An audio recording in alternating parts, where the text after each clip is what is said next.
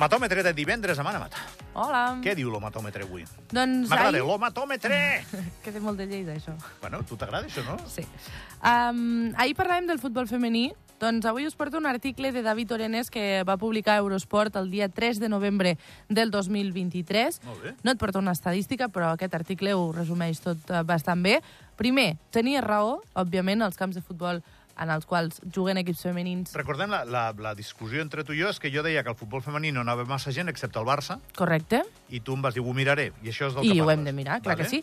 De fet, en aquest article de David Orenes, recordem, 3 de novembre del 2023, deia que només 7, 17 dels primers 48 partits de la Lliga F s'ha sobrepassat la barrera dels 1.000 aficionats. És el Barça l'únic club que despunta en aquestes estadístiques, tant de local com també de visitant. El Madrid no arriba a la meitat del seu aforament i clubs com, per exemple, el Sevilla o el Betis arrosseguen poc més de 300 persones a les seves graderies.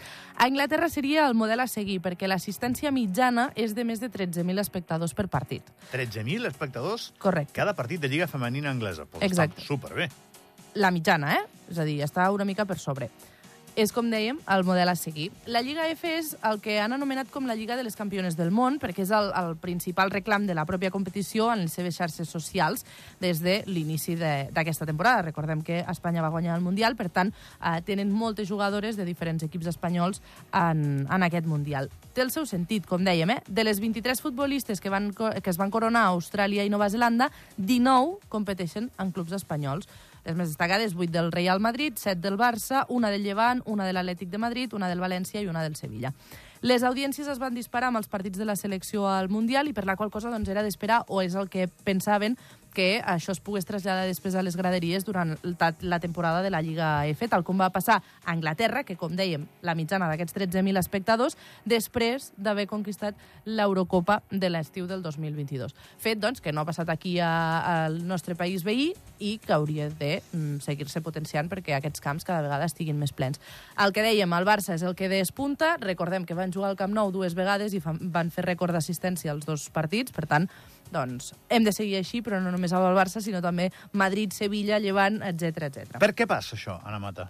Perquè no hi ha una cultura de, Esport femení de o- seguiment al futbol femení o als esports femenins en general, perquè miris on miris, moltes vegades hi ha una diferència molt important. Et vaig a posar un exemple xulo. La Seu d'Urgell i el Cedis. Per exemple, No, és un bon exemple. Allà l'equip femení és la bandera del poble. Mhm. A la ciutat, que no I són els de la Seu.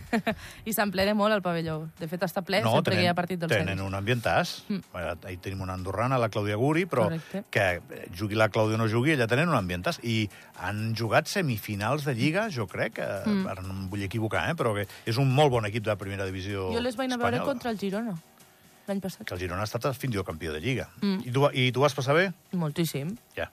Però bé, no hi ha aquest costum. De moment, doncs, encara seguim amb la idea del futbol masculí i sempre hi haurà doncs, aquell típic que dirà que el futbol femení no és futbol. Però bé, eh, canviem de temàtica, perquè si no estarem aquí parlant de futbol femení, Hem de, que m'encanta, eh, hem però... de ser honrats. Jo no el mirava i ara el miro. I el miro, doncs, eh, igual que assisteixo a d'altres esports des de fa molts anys. O al tennis femení, per exemple, Mm. que m'entra igual que el tennis masculí. A mi m'entra igual de malament. T'entra igual de malament. Bueno, sí, no no faig massa del tennis, la veritat. No, Vinga, què més? general, va. eh? Matòmetre, l'homatòmetre. Doncs avui és el dia que es fan els Island, n'hem anat parlant durant tota la setmana i avui us portem un àudio, que de fet és un vídeo a l'Instagram que va penjar Digref, amb alguns detalls sobre la gala que comença aquesta mateixa tarda.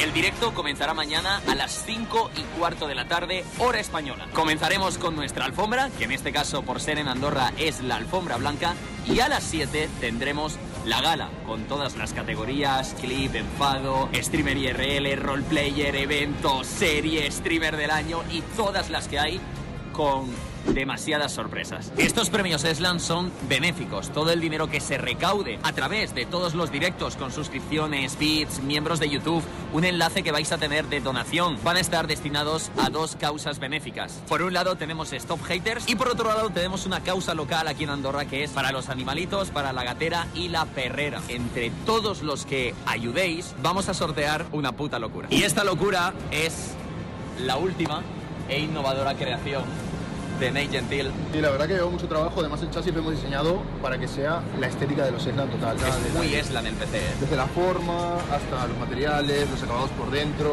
Aquí tenemos la parte como interna del artefacto, incluso con el LED. La polla. Significa muchísimo para mí porque es completar el tridente, la promesa de Eslan. Muchas gracias y vamos con todo en la tercera edición de los premios Eslan.